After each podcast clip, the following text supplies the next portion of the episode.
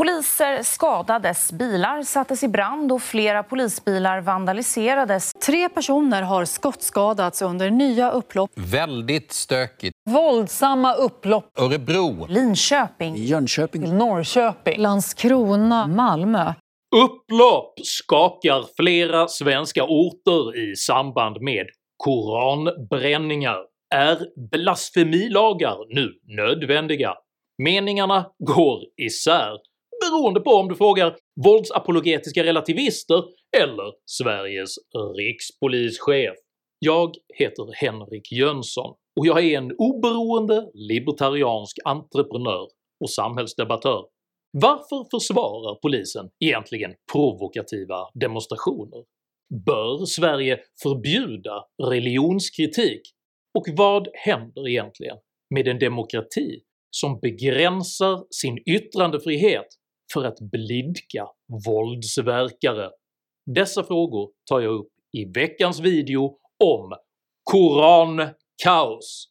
Uppskattar du mina filmer så hjälper du mig att kunna fortsätta göra dem om du stöttar mig via något av betalningsalternativen här ute till vänster. Det är endast tack vare ert generösa stöd som jag kan fortsätta att producera aktuella nya videokrönikor varenda vecka, så ett stort STORT tack till alla de av er som bidrar.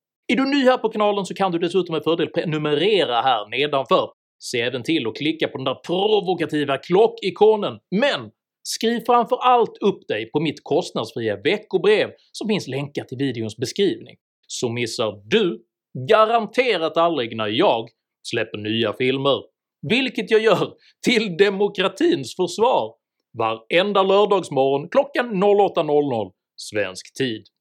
Idag pratar jag om Koranen, konflikter och kaos. Häng med!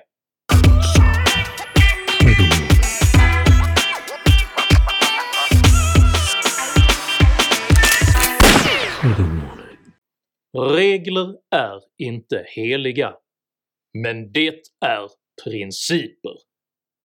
Med dessa ord inskärpte den amerikanske presidenten Franklin D. Roosevelt 1935 vikten av att skilja på sakfrågor och på demokratins grundläggande ideal. De religiöst motiverade upplopp som under flera dagar skakat Sverige sätter fingret på just denna spänning mellan regler och principer.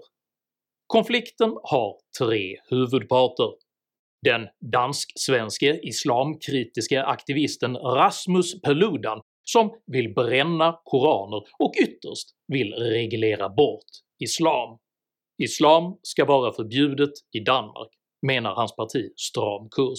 Partiet menar att det överstämmer med grundlagen att införa detta förbud med hänvisning till grundlagens paragraf 67 om religion.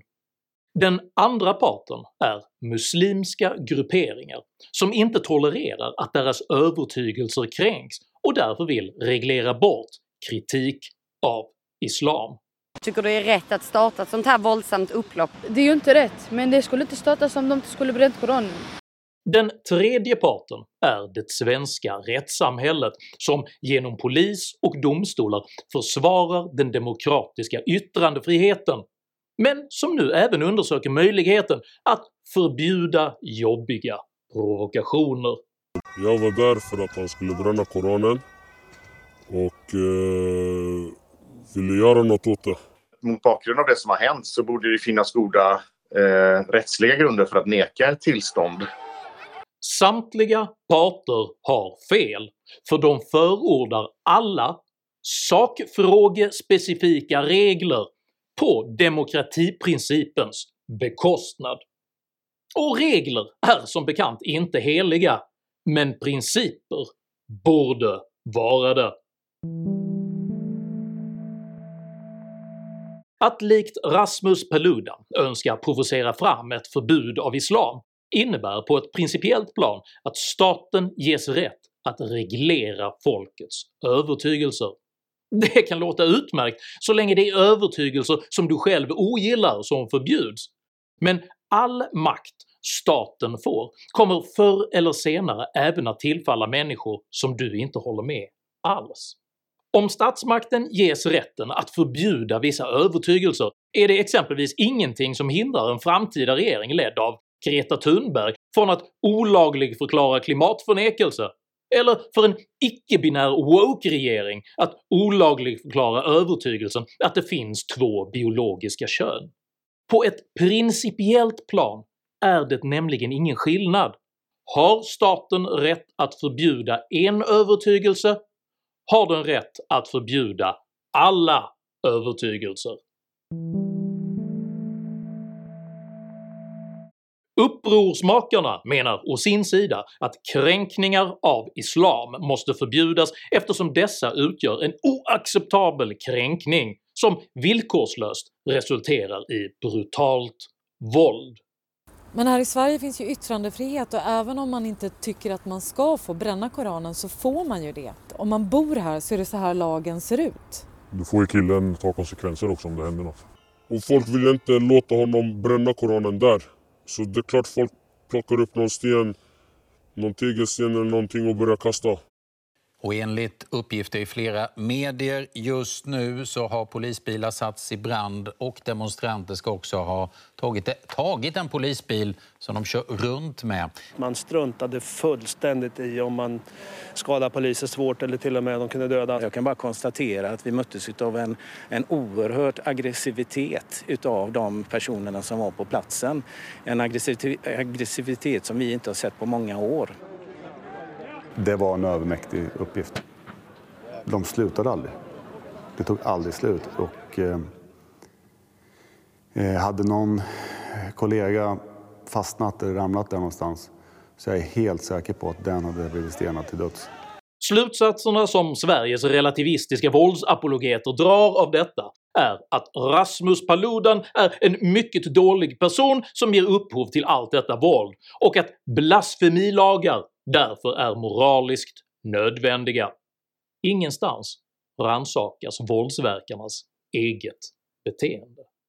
Den medialt omhuldade polisen Nadim Ghazale skriver exempelvis i Expressen att tillstånd ges och att brännandet av koraner inte är ett självklart hatbrott påvisar hur långt den svenska lagstiftningen har kvar för att skydda vissa utsatta folkgrupper.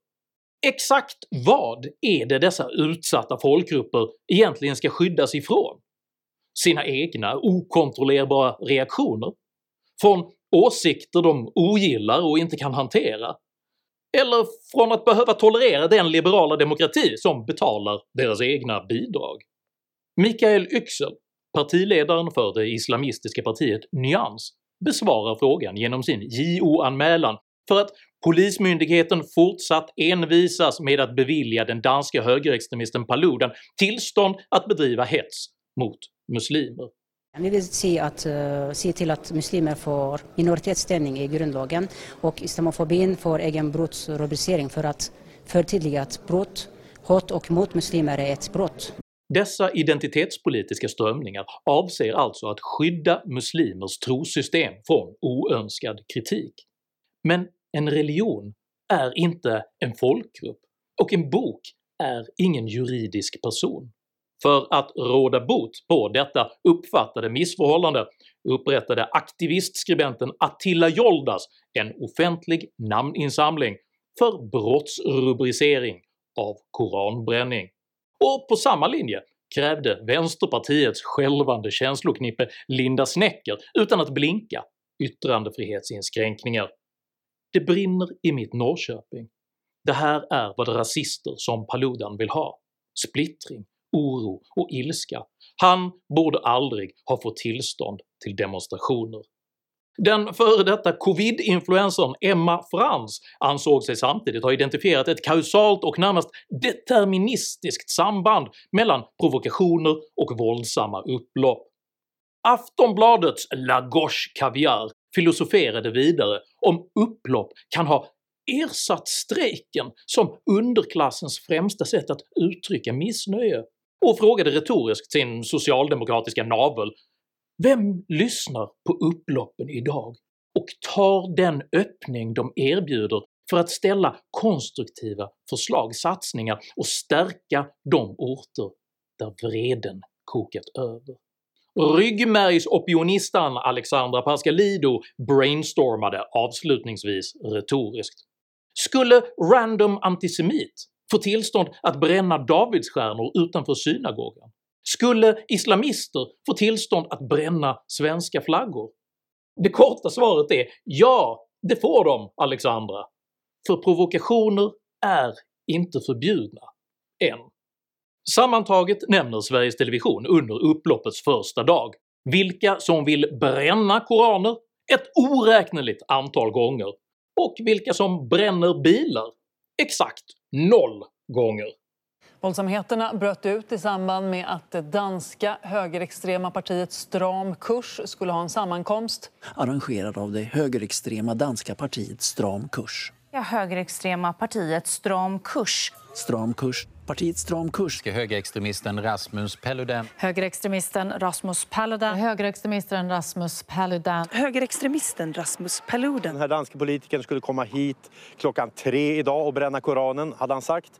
Slutsatsen att ett förbud mot kritik av islam skulle vara nödvändigt för att förhindra våld innebär dock inte bara ett omyndigförklarande av alla muslimer, utan ger även staten principiell makt att förbjuda kritik av alla starka övertygelser. Bör exempelvis konstnären Andres Serranos fotografi “Piss Christ” från 1987 förbjudas eftersom han skändade ett krucifix genom att fotografera det nedsänkt i sin egen urin? Bör Elisabeth Olsson Wallins fotografiska bibelgestaltningar Ecce Homo förbjudas för att de bland annat avbildar Jesus omgiven av läderbögar?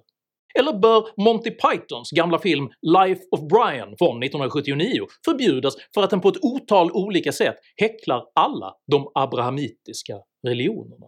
Förbud av denna typ av kritik är ett allvarligt sluttande plan, vilket i förlängningen uppmuntrar till radikalisering av alla grupperingar som önskar immunisera sina egna övertygelser från kritik.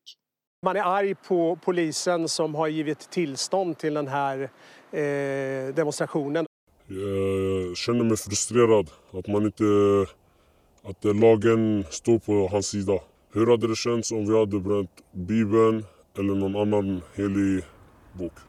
Om statsmakten ges rätt att förbjuda kritik av vissa övertygelser finns det nämligen ingenting som hindrar en framtida regering att förbjuda allt från klimatförnekelse till fosterlandskritik, så länge övertygelsernas anhängare visar sig beredda att slåss för sina krav. När vi pratar med människor i Rosengård är nästan alla upprörda över att polisen har gett Rasmus Paludan tillstånd att bränna Koranen i Malmö. De våldsamma reaktionerna har nu enligt Sveriges Television väckt frågan kring när manifestationer och demonstrationer ska tillåtas. Mm, de senaste dagarnas våldsamma upplopp har väckt frågan kring när demonstrationer och manifestationer ska tillåtas. Vad tänker du om att det finns de som eh, tycker att det är fel att ni skyddar en högerextremist? Jag förstår att de blir upprörda, men man måste även förstå polisens roll i samhället. Trots att det blev stökigt redan på skärtorsdagen kunde Rasmus Paludans turné fortsätta. Frågan är dock om polisen med stöd i lagen hade kunnat stoppa koranbränningarna helt med hänvisning till tidigare våldsamheter. I brottsbalkens 16 kapitel paragraf 16 stadgas att den som för oljud på allmän plats eller annars offentligen beter sig på ett sätt som är ägnat att väcka förargelse hos allmänheten skall dömas för förargelseväckande beteende till penningböter. Men det är också så att polisen får lov att neka tillstånd eh, om det är så att eh, det förväntas uppstå svårare oordning vid sammankomsten. Problemet med denna tolkning är att det inte är Rasmus Paludan som är våldsam eller högljudd, utan de individer som provoceras så till den milda grad att polisen inte längre förmår upprätthålla lag och ordning. Upploppet var så våldsamt att polisen tvingades retirera. Det var många som reagerade starkt över att polisen backade undan när våldet eskalerade i Skäggetorp. Vad säger du till dem som känner sig svikna av polisen? Det var ett aktivt beslut som fattades där och då utifrån den lägesbild som, som vi hade och eh, Ibland så kan det vara klokt att eh, inta ett defensivt förhållningssätt för att inte våldet ska eskalera ytterligare. Alltså situationen var så pass eh, kaotisk eh, på platsen att eh, vi bedömde som att det var att det var säkrare att vi, att vi drog oss undan där eh, för att det inte skulle skada, eh, själva skador skulle ske i själva Skäggetorp. Och vi har inte heller då kunnat eh, säkra de här platserna och eh, upprätthålla vårt uppdrag som eh, är att trygga yttrandefriheten i de här fallen. Så det är klart att det är ett misslyckande. Konsekvensen av polisens reträtt är att våldsverkarna upplever sig besegra det svenska samhället när statens våldsmonopol inte längre kan upprätthållas. Detta stärker bilden av att våld fungerar för att få sin vilja igenom i Sverige. Men vad tänker ni då om att så många poliser skadats och att man angripit och hotat svensk polis på det här sättet? Den som var skadad kanske inte håller med hela grejen, det är bara att det är hans jobb. Men fortfarande, han eh, var där och skyddade en fel person. Rikspolischef Anders Thornberg betonade nyligen i en presskonferens att upploppen inte har någonting att göra med protester, utan att de bör betraktas som kriminella angrepp på Sveriges demokrati. Det här har ingenting med protester att göra utan det är ett oförsvarligt angrepp mot vårt rättssamhälle och vår demokrati. Vi har starka misstankar att de som går, till angrepp mot polis och räddningstjänst har anknytning till de kriminella gängen. Ändå framställer vänsterrörelsens våldsapologeter situationen uteslutande som en fråga om rasistiska strukturer och polariserande provokationer där ansvaret för det förvisso oacceptabla våldet underförstått ändå huvudsakligen bärs av provokatören. Universitetslektor Stefan Holgersson beskriver exempelvis konflikten som ett resultat av att polisen frångått sitt dialogarbete och därigenom saknar förståelse för motpartens syn på situationen. Man har eh, övergivit den framgångsrika då, dialogkonceptet. Man har det på pappret och säger att man tillämpar det, men det gör man inte. Och det har, leder till att man får felaktiga underlag, att det blir mer aggression, att man har mindre möjlighet att påverka en utveckling genom att det saknas information och tolkningar av, av en motparts syn på, på frågor. Denna hållning motsägs dock kraftfullt av de poliser som tjänstgjort under själva upploppen. Det ska finnas utrymme att reagera på det som sägs i en allmän sammankomst. Eh, men det som vi såg i eh, Linköping och Norrköping igår, det var något helt annat. Jag vill inte använda ordet motdemonstrant för att är man demonstrant så har man något budskap. Här har man inget budskap utan här var det bara för att skada polis. Vad sa de här människorna när ni pratade med dem? Jag tror inte vi ska säga det i tv. Det var mest glåpord faktiskt. Polisen Jonas Packalén skildrar sin egen upplevelse på Facebook med orden “Det vi möts av där går inte att beskriva. Total kaos och total katastrof. Flera hundra personer som går till angrepp mot polis. Flertalet skadade kollegor med benbrott, käkfraktur jag blev själv träffad av säkert 10-20 stenar på ryggen, armarna, benen och på huvudet. Det sjuka i det här är att till och med kvinnor i 40 60-årsåldern kastar sten mot oss, där egna barn gör likadant. Hur i helvete ska man hantera en sån situation? Slå en batong mot en 12-åring? Oavsett om man kallar denna situation oacceptabel och manar alla goda krafter att bevara lugnet, så kvarstår ett graverande faktum. Sverige sitter nu på en unikt självförvållad krutdurk av utanförskap, våld och kriminalitet som är så explosiv att minsta gnista kan utlösa ett våld så storskaligt och så brutalt att vår ordningsmakt inte förmår bemöta det. Vi har under lång tid sagt att det är ett synnerligen allvarligt läge med den grova kriminaliteten i landet. Det hänsynslösa våldet, även det vi har sett de senaste dagarna, är allvarliga symptom på större problem som vi har i Sverige. På 20 år har Sverige gått från botten till toppen i den dystra statistiken över hur många som varje år skjuts till döds räknat per invånare. Samtidigt som dödligt skjutvapenvåld minskat i övriga Europa så har utvecklingen i Sverige gått i motsatt riktning. Här har det istället ökat kraftigt. Antalet anmälda brott mot vapenlagen har ökat flera år i rad och förra året nåddes nya rekordnivåer. Och de många dödsskjutningarna har fortsatt under årets första månader. Så som kriminaliteten är nu så finns det ingen quick fix utan det kommer att ta tio års hårt arbete från hela samhället om vi ska få ordning på det här. Tio år? Tio år, minst tio år. Jag kommer att bli svårt förvånad om brottsligheten har minskat om tio år. Vi ska vara glada om den har ökat lite grann bara. Föresatsen att beveka denna krutdurk genom att förbjuda alla former av provokationer är fullständigt utsiktslös. För vad blir i så fall nästa steg? Avbildningsförbud av profeten? Sedlighetslagar? Eller teokratiska domstolar? Detta är nämligen det sluttande plan man anträder när godtyckliga anpassningar till våldsverkares krav tillåts trumfa de demokratiska principer som enligt Franklin Roosevelt bör hållas för heliga. Ett lättsamt sätt att felsöka Sveriges principiella yttrandefrihetsproblematik vore att låta samma provokatör regelbundet skända olika religioner. Säg genom bibelbränningar på måndagar och onsdagar, koranbränningar på tisdagar och torsdagar och torabränningar under helgerna. En undersökning av denna typ skulle mycket snabbt identifiera om provokatörens gärningar var så generellt och intrinsikalt provocerande att ett allmänt förbud vore befogat, eller om det var enskilda gruppers reaktioner som var det egentliga problemet.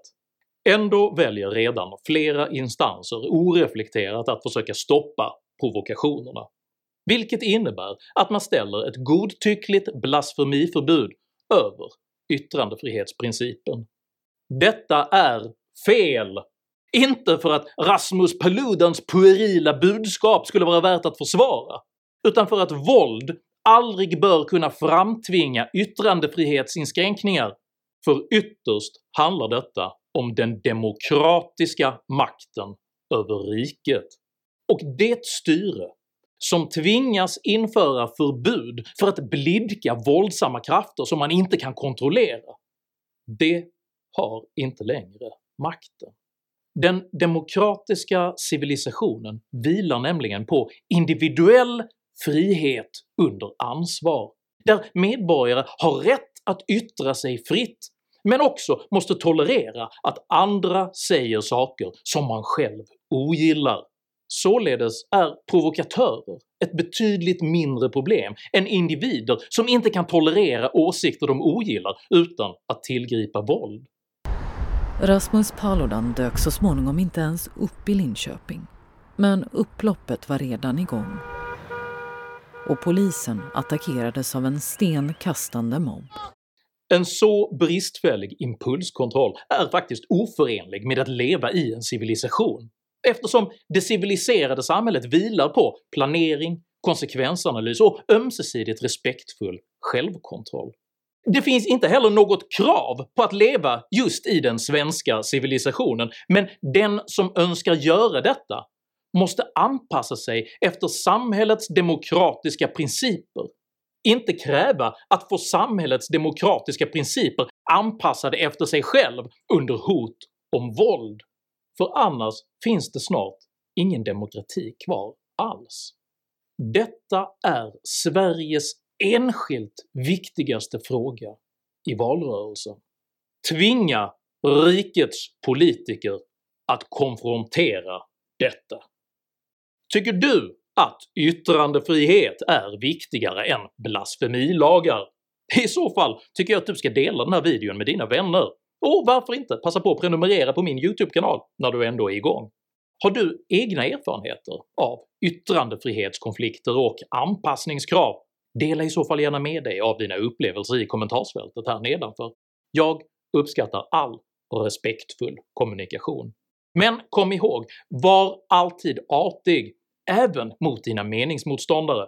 Jag accepterar inte personangrepp, aggression eller rasism i mina idédrivna kommentarsfält. Tack för att du som kommenterar respekterar detta.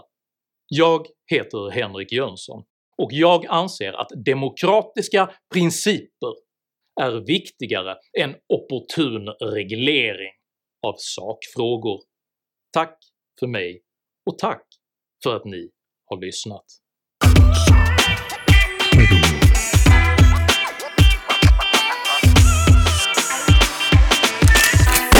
Sitting